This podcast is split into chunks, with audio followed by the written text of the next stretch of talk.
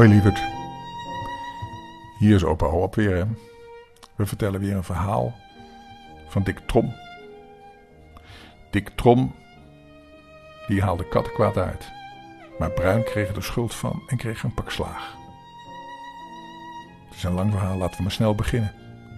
Op een herfstavond was Dick, die toen ongeveer 12 jaar oud was, met zijn makkertjes op de markt aan het spelen. Toen het donker was. Jongens, riep Bruin Boon, die ook meedeed, zullen we mevrouw van Aken eens voor de gek houden? Ja, ja, ja, ja, dat is goed, klonk het van alle kanten. We zullen de deur open gooien, dan komt ze naar buiten met de bezem. Zeg Dick, daar had je verleden week bij moeten zijn. Jongens, jongens, wat was ze kwaad. En of, zei Bruin. Op het laatst kwam ze met een tang. Ik dacht dat, ze me, dat ik me ziek zou lachen. Kom jongens, ga je mee? Ja, vooruit. Kom Dick, ga jij ook niet mee? Ik niet, zei Dick, ik dank je. Wat? Ga je niet mee? Durf je soms niet? riepen de kameraden. Dick begon te lachen. Niet durven, zei hij. Is het nou zo'n heldendaad om een oude vrouw kwaad te maken? Vooral als je vooruit weet dat ze je toch niet te pakken kan krijgen. Dank je wel hoor, dat vind ik een grap. Die is niet aan mij besteed. Oké, maar wat zou je dan wel willen? Wat ik wil, is in ieder geval geen flauwe aardigheid uithalen. Nee, ik weet wat beters.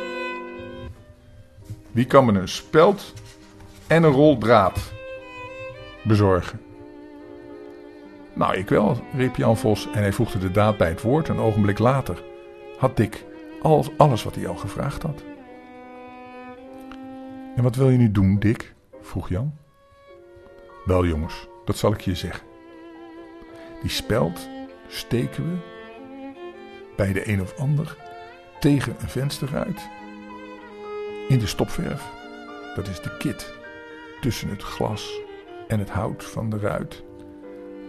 En met de draad garen en een steentje. Dan winden we de draad zo ver af als we willen en dan gaan we eraan trekken. En dan tikt het steentje tegen de ruit. En dan denken mensen dat er iemand op de ruit tikt. En dan komen de mensen naar buiten. En dan zien ze niet dat er niemand is. Ja, dat is mooi. Bij wie zullen we het gaan doen? Bij mevrouw van Aken, riep Bruin. Nee, dankjewel, zei Dick. Weet je bij wie? Bij de veldwachter. Dan hebben we er eer van. Dat is in ieder geval geen oude vrouw.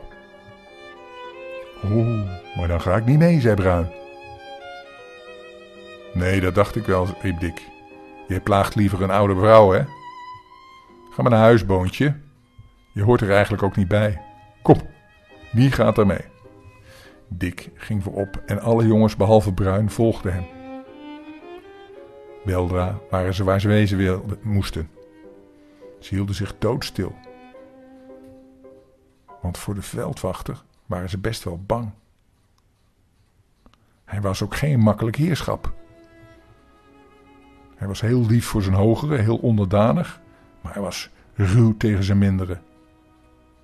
In plaats van de mensen te waarschuwen over, voor een overtreding, die ze uit onkunde of onnadenkendheid gedaan zouden hebben, wilde hij het liefst iedereen een bekeuring geven. En door zijn leed vermaakt, als hij erin slaagde, had hij zich de minachting van zijn dorpsgenoten op de hals gehaald. Nou, vooral doodstil zijn hoor, fluisterde Dick. En hij bond de draad met het steentje aan de speld vast. En sloop onhoorbaar zacht de tuin in. Er brandde licht binnen, dus dat betekende dat mensen van binnen niet konden zien wat er buiten gebeurde. Hij naderde het raam, stak de speld heel stil, stevig in de stopverf. En toen rolde hij de draad af en keerde even, even zacht weer terug bij zijn kameraden. Zeg jongens, nu moeten jullie allemaal op een flinke afstand gaan staan, zodat je, als hij naar buiten komt, direct de vlucht kunt nemen. Wanneer hij jullie hoort lopen, denkt hij natuurlijk dat jullie de dader zijn. En op die manier heeft hij mij niet in, in de gaten. En jullie kan hij toch niet krijgen. Wat zal die dan kwaad worden? Goed, uitstekend. Maar waar blijf jij dan, Dick? Ja, dat is juist het mooiste van de grap, jongens. Ik blijf doodbedaard in zijn eigen tuin zitten, tussen de aalbessenbomen. En zo gauw die weer binnen is, begin ik opnieuw te trekken. Vooruit nu. De jongens maakten dat ze een behoorlijke afstand hadden. Ver genoeg om de veldwachter in de duisternis te kunnen ontlopen, maar toch dicht genoeg bij om alles te horen en te zien wat er gebeurde. Dick sloop opnieuw de tuin in, verschool zich tussen de bessenbomen, waar hij bijna helemaal onderkroop, en nauwelijks zat hij daar of hij trok aan de draad. Rikketik, rikketik, klonk het tegen de vensterruit. De veldwachter zat aan de tafel te schrijven en was zo in die bezigheid verdiept dat hij het tikken niet hoorde.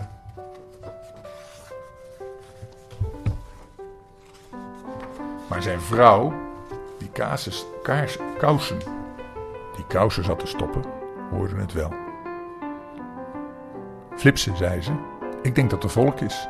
Er wordt geloof ik aan de ruiten getikt. Zo? Ik heb niets gehoord. Nu, dan moeten ze nog maar eens tikken. En de veldwachter ging door met zijn schrijfwerk. Rikketik, rikketik, klonk het opnieuw. Hoor je wel, zei de vrouw. Ja, nu hoor ik het ook. Waarom tikt het volk niet gewoon aan de deur, zou je zeggen? Is daar iemand? riep hij, zonder van zijn stoel op te staan. Er volgde geen antwoord. Ik denk dat het een vogeltje is, vrouw, of een tak van de boom. Ik krijg tenminste geen antwoord. De veldwachter schreef verder en zijn vrouw stak haar arm weer in de kous om met het stoppen van de kous verder te gaan. Rikketik, rikketik.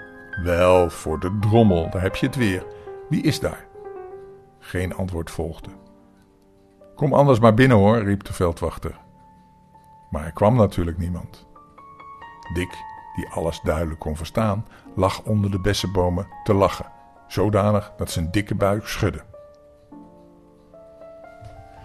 Hij is nogal stoelvast, dacht ik, maar ik zal hem wel overeind helpen. Rikketik, rikketik, rikketik. Duizend bommen en granaten, riep Flipse, die vroeger in dienst geweest was. Daar heb je dat getik weer. Vrouw, ga eens kijken of er iemand is. De vrouw stond op en deed de voordeur open. Is er volk? riep ze. Alweer geen antwoord. Is er volk? riep ze nog eens, met verheffing van haar stem. Doodse stilte. Ze deed de deur dicht en ging naar binnen. Er is niemand, zei ze, en het is erg donker. Zo, dat dacht ik wel. Flipse en zijn vrouw gingen weer aan de arbeid, maar nauwelijks waren ze bezig of... Rikketik, rikketik, rikketik, klonk het weer. De veldwachter vloog overeind, greep zijn pet en stoof naar de voordeur. Wie is hier? schreeuwde hij. Kun je niet behoorlijk aan de deur tikken in plaats van op de ramen? Nu, kom voor de dag. Waar blijf je dan toch? Wat moet je? Maar het bleef stil. Doodstil daarbuiten. Wat drommel.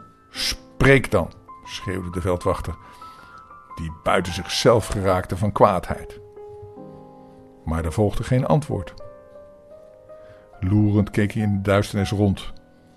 Maar hij zag niets en hij ging weer naar binnen. En ging met een boos gezicht weer aan zijn werk. Maar hij was echter nog geen twee minuten weer aan de gang of daar ging het weer. Rikketik, rikketik, rikketik. Vlug tilde hij het gordijn op en drukte zijn gelaat tegen het glas om naar buiten te kijken. En dat zag er heel dwaas uit als je dat van buiten bekeek. En de jongens gierden het uit van de pret. Hij zag natuurlijk niks. En hij liet spoedig het gordijn weer zakken. Ik begrijp er niets van, vrouw, zei hij. En nauwelijks was hij uitgesproken of opnieuw vernam hij: Rikketik, rikketik, rikketik. Wel heb ik van mijn leven, riep hij, terwijl hij zich naar buiten spoedde. Nu moet ik het weten. Wat kan dat betekenen? Wie is hier toch? Wat moet je? schreeuwde hij, zo hard hij kon. Houdt iemand me soms voor de gek? Of hoe is het? Kom voor de dag, als je durft. Dan zal ik je morgens leren. Maar hij bleef nog altijd even stil. Flipse liep langs de ramen, maar hij zag niemand. En de draad zag hij ook niet, omdat Dick die vlug had afgerold, zodat hij slap hing. Toen liep Flipse de tuin in en keek overal nauwlettend rond. Maar Dick, die doodbedaard onder de late, wat late bessen zat, zat op te peuzelen onder de struik, zag hij niet. Ik denk dat ik met een kwajongen te doen heb, mompelde hij eindelijk, terwijl hij weer naar binnen ging. Maar ik zal hem wel krijgen, wacht maar. En zodra hij binnen was, zocht hij een dikke stok en legde die naast zich op tafel. Zie je ook niks? vroeg zijn vrouw. Nee, nog niet, maar ik zal hem wel krijgen. Hij bleef bedaard zitten en het duurde ook niet lang voor het begon weer. Rikketik, rikketik, rikketik. Hij greep de stok en vloog naar buiten.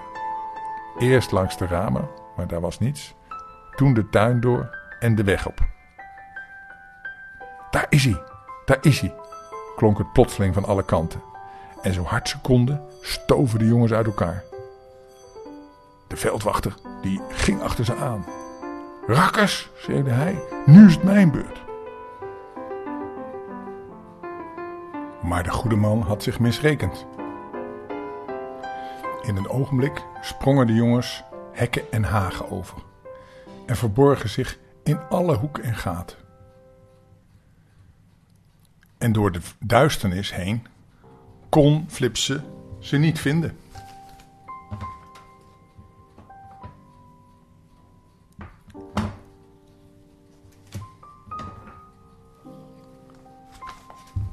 Ze waren spoorloos verdwenen. Nee, wacht. Daar hoorde hij er een toch zacht aankomen. Snel verborg Flipse zich achter een boom. Het geluid kwam al nader en eindelijk klonk het vlakbij hem. Hij sprong spijlsnel vooruit en greep de ondeugd bij de kraag. Ha, schelm, schreeuwde hij. Dat had je niet gedacht, hè? Wacht, vriendje, ik zal je die grappen voor eens en voor altijd afleren. Oh nee, nee, nee, huilde de jongen, die niemand anders was dan Bruin Boon. Ik heb het niet gedaan, echt niet. Nu, dat was waar. Bruin had echt niet meegedaan, want hij durfde niet. Doch toen de jongens zo lang wegbleven, was hij toch achter ze aangegaan om te kijken of ze er nog waren. Maar Flipse geloofde er geen woord van. En in zijn kwaadheid legde hij Bruin over de knie en gaf hem een pak slaag. Met een stok begon hij geducht op zijn billen te slaan. Daar, daar, riep hij bij elke slag. Au, au, hou op. Au, au, ik heb het niet gedaan.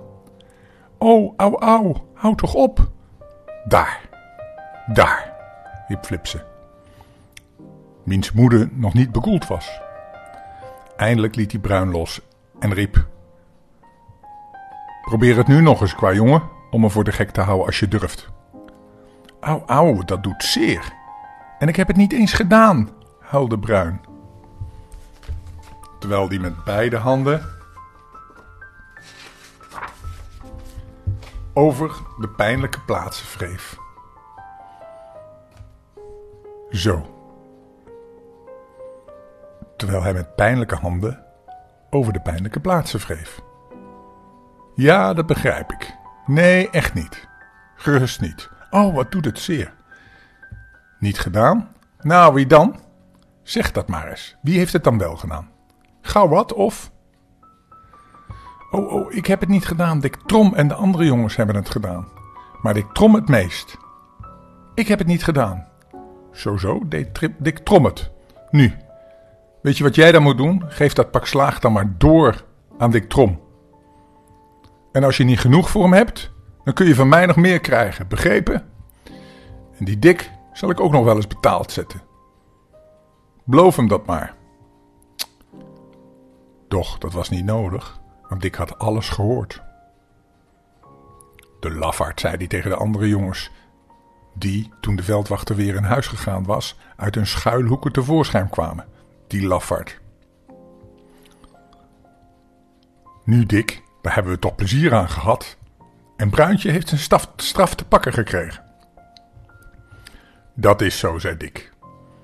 Jongens, wat kreeg je een zeldzaam pak slaag. Maar nu gaan we naar huis. Ik denk dat het al laat is. Een ogenblik later was alles weer stil in het dorp. Nou, dan gaan wij ook maar weer slapen. Lekker dromen. Weltrusten. Dag, ik hou van jou.